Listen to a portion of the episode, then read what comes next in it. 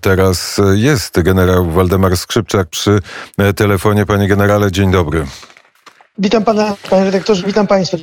I, I, zawsze oczekujemy od e, pana generała frontowych informacji. E, co, gdzie, jak się dzieje. Ostatnio, jak rozmawialiśmy, e, pan generał przewidywał, że może nawet dojść do jakiegoś ukraińskiego kontrataku. Z tego, co my się orientujemy, ale orientujemy się słabo, do takiego kontrataku nie doszło. Jak pan ocenia zmiany na liniach frontu, które nastąpiły w ciągu ostatnich 40, 36 godzin? Panie rektorze, może jeśli pan pozwoli, zacznę od tego, żeby taki mit y, doskonałości środków przeciwlotniczych i pancernych chce obalić, bo wszyscy twierdzą, eksperci, kogo nikt by nie słuchał, że w zasadzie tą wojnę Ukraińcy wygrywają dzięki środkom przeciwpancernym i obronie przeciwlotniczej Stingerami i piorunami. No to jest nieprawda, dlatego że Ukraińcy są zorganizowani zgrupowania bojowe, które mają czołgi, które mają BWP, które mają różne typy artylerii, to mają artylerii naprawdę dużo mają lotnictwo, mają śmigłowce i to wszystko jest używane cały czas w działaniach bojowych.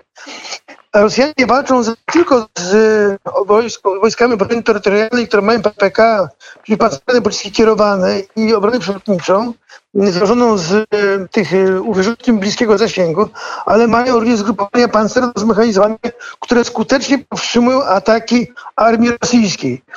W ciągu 30 godzin, a w zasadzie od wczorajszego dnia, położenie niewiele się zmieniło. Rosjanie w tej chwili wydali się w długotrwałe walki o zdobycie, zdobywanie kilku miast. Hersonia, Mariupola, na tych kierunkach idą oczywiście Sum, Charkowa, próbują zdobyć, Charków próbują zdobyć, i, ale do Kijowa na razie tylko podchodzą siłami głównymi. Położenie zasadnicze, operacyjne się w zasadzie nie zmieniło. Lokalne, taktyczne jakieś postępy zgrupowań taktycznych batalion są naprawdę niewielkie, co świadczy o tym, że obrona e, ukraińska jest obroną stałą i manewrową, czyli jest obroną bardzo skuteczną. I właśnie dzięki takim zgrupowaniom, które mają Ukraińcy pancerno zmechanizowane, mogą tą obronę manewrową prowadzić.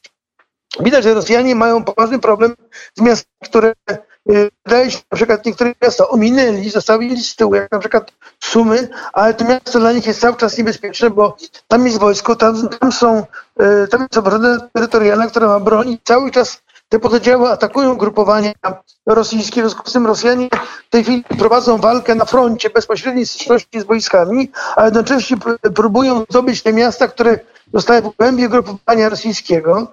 Próbują zdobyć Herson i w tej chwili wdali się w długotrwałe walki, moim zdaniem, w aglomeracjach miejskich, które ich trzymają i trzymają duży potencjał ich, ich sił i to z kolei nie pozwala im prowadzić ofensywy w sumie na, wzdłuż Dniepru na Kijów.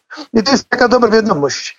Yy, niektórzy mówią o tym, że na kierunku Kijowa przesuwa się długa 64-kilometrowa kolumna wojsk. Z mojego rozeznania, ta kolumna wojsk to ma przede wszystkim charakter logistyczny. Z tego wynika? Wynika z tego, że Rosjanie gromadzą zapasy środków walki do długotrwałych walk, prawdopodobnie o Kijów. Kolumny te mają charakter logistyczny, są, jest dużo samochodów ciężarowych, całe kolumny, całe zgrupowania samochodów ciężarowych, które na pewno przewożą środki walki, czyli generalnie przewożą amunicję. Żeby zobrazować, jak duże zużycie amunicji jest, to chcę powiedzieć, że jedna haubica kalibru 152 w ciągu doby walki może wystrzelać dwa samochody amunicji. Tyle amunicji się zużywa, dwa albo trzy nawet. A w związku z tym zapotrzebowanie na amunicję tych środków, które Rosjanie zgromadzili pod Kijowem i zgromadzić będą, potrzebują niezwykle dużej ilości amunicji i dużych ilości paliwa. I ta długa kolumna, taka rozciągnięta, to jest widać wyraźnie kolumna przede wszystkim jest kolumną logistyczną.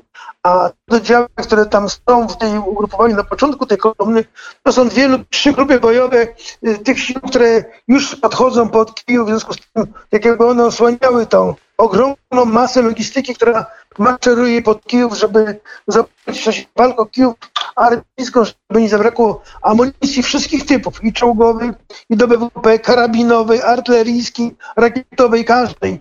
Każdy samochód zabiera, można powiedzieć, że e, pół, e, pół jednostki, którą może haubica w ciągu doby wystrzelić. Więc sobie można wyobrazić, ile tych samochodów być musi z tymi materiałami, żeby ta armia mogła przez kilka dób wykonywać zadania, czyli strzelać czy walczyć z armią ukraińską. Panie generale, panie generale Magda Uchaniuk ma do pana pytanie. E, dzień dobry panie generale. Tak jak pan powiedział, ponad 60 kilometrów e, ma ta kolumna, która e, zbliża się w kierunku najprawdopodobniej Kijowa. Czy to jest taki znak, czy to jest taki sygnał, że Rosjanie mają zamiar przede wszystkim atakować Kijów drogą lądową? Prawdopodobnie Rosjanie przygotowują się do obleżenia Kijowa i wzięcia go może na razie nie szturmem, ale wzięcie go w ten sposób, jak burzą miasto Charków, Person, czyli ostrzeliwując ogniem artylerii, ostrzeliwując osiedla rakietami y, po to, żeby zburzyć miasto, a w tych zburzonych ruinach pogrzebać brońców. Y, dlaczego tak mówię? Mówię dlatego, że Rosjanie nie szanują życia ludzkiego, oni y, widać wyraźnie prowadzą brutalne działania. Dla nich sukces jest ważniejszy niż życie cywili, życie ludzkie. W związku z tym przygotowują się do, gromadzą takie ilości amunicji, środków walki. Widać wyraźnie, że przygotowują się na długotrwałe, ciężkie walki. Czy szturm do Kijowa? Nie wiem, ale na pewno będą chcieli tymi środkami, które gromadzą czyli amunicją, będą chcieli skruszyć tą obronę e, e, wojska ukraińskiego, jednocześnie pozbawić woli oporu ludność cywilną. Czyli to takie będzie, e, można powiedzieć, ludobójstwo XXI wieku. czyli właściwie z tego, co mówi pan generał, wszystko, co najgorsze jest przed Kijowem. Widać tak i Rosjanie są widać zdeterminowani i, i oni w tej chwili widać wyraźnie, że puściły im wszystkim nerwy, bo za wszelką cenę chcą osiągnąć cel operacji, bo też wiedzą, że im się czas kończy.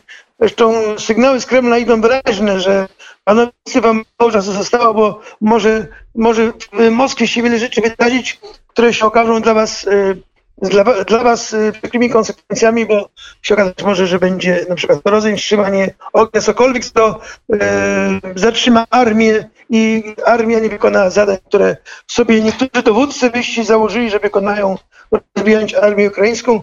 Choć mm, wracając jeszcze do armii ukraińskiej, wydaje się, że e, w tej chwili e, Ukraińcy jeszcze nie użyli swoich wszystkich odwodów.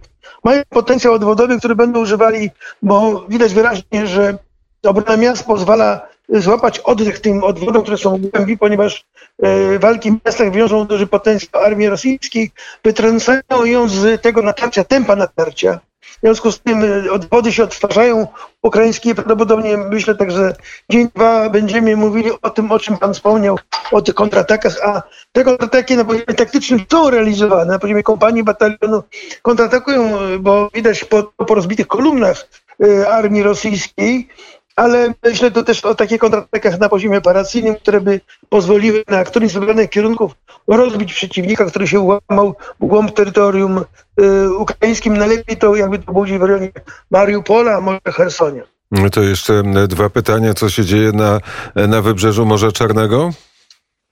Znaczy generalnie te siły, które idą od Krymu, one y, idą w trzech kierunkach. Kierunek jeden to jest kierunek wschodni na Mariupol, i podchodzą pod nim Mariupol. Kierunek zasadniczy to Herson wzdłuż brzegu, wzdłuż obu brzegów Dniepru e, w kierunku północnym, no i kierunek na Odessę, czyli e, służy to wszystkim odcięciu Ukrainy od brzegu Morza Czarnego, od potencjalnych dostaw, które mogłyby przez Morze Czarne iść dla armii e, ukraińskiej.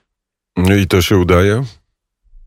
Udaje się na razie, póki co jestem przekonany jestem, że Odessa się będzie broniła, yy, dlatego chociażby, żeby to był port, który, przez który będą obiecane przez Amerykanów, przez całą Europę dostawy, bo nie tylko to polska granica będzie tą, którą yy, będzie otwarta dla tych dostaw, ale również mogą być dostawy przez Rumunię drogą morską do Odessy. Także tych dróg zapatrzenia w tą broń, bo będzie tych dróg potrzeba dużo, bo tej, tej, tej, broni będzie bardzo dużo, a nasza granica jest granicą wrażliwą z uwagi na bliskość położenia z Białorusią, więc y, każde takie działanie może być ryzykowne, więc będą starali się dostawcy, ci, którzy dostarczali tą broni amunicję, omijać rynki zagrożone. A możemy się spodziewać takiego frontalnego ataku na zachodnią Ukrainę?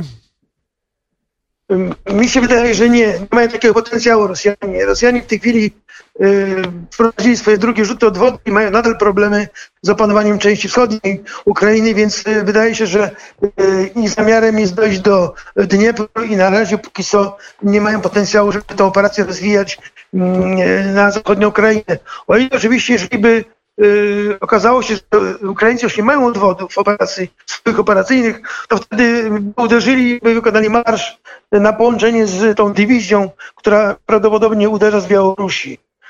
To tak, panie redaktorze, jest taki moment, jeżeli rzeczywiście Białoruś ruszyła, jest to doskonały moment do tego, żeby wywołać powstanie zbrojne na Białorusi przeciwko Łukaszence. Łukaszenka nie będzie miał wojska, żeby to powstanie stłumić i czas na to, żeby się ruszyli Białorusini.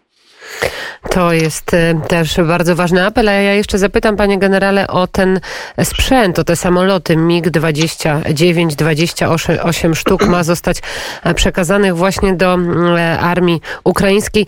Co to są za samoloty? Co to jest za sprzęt? To są samoloty myśliwskie, samoloty do walki z innymi samolotami, głównie myśliwskimi, szturmowymi, bombowymi. Bardzo dobre samoloty, one się sprawdzały wielokroć w różnych operacjach. Y, to był dobry potencjał naszego, naszych, naszych sił zbrojnych.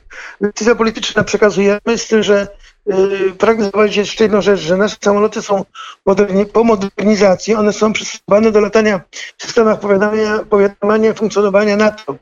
Transpondery są natowskie, IF, systemy rozpoznawcze są natowskie. Czy to jest yy, dobre, że przekażemy coś, co może się okazać, że padnie w ręce Rosjan i Rosjanie by przejęli te systemy charakterystyki natowskie.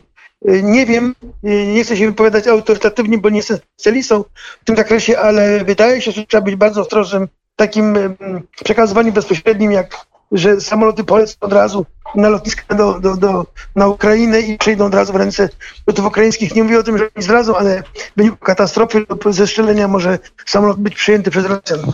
To może być niebezpieczne dla systemu, który ten samolot ma, jeżeli chodzi o adaptację dla potrzeb NATO.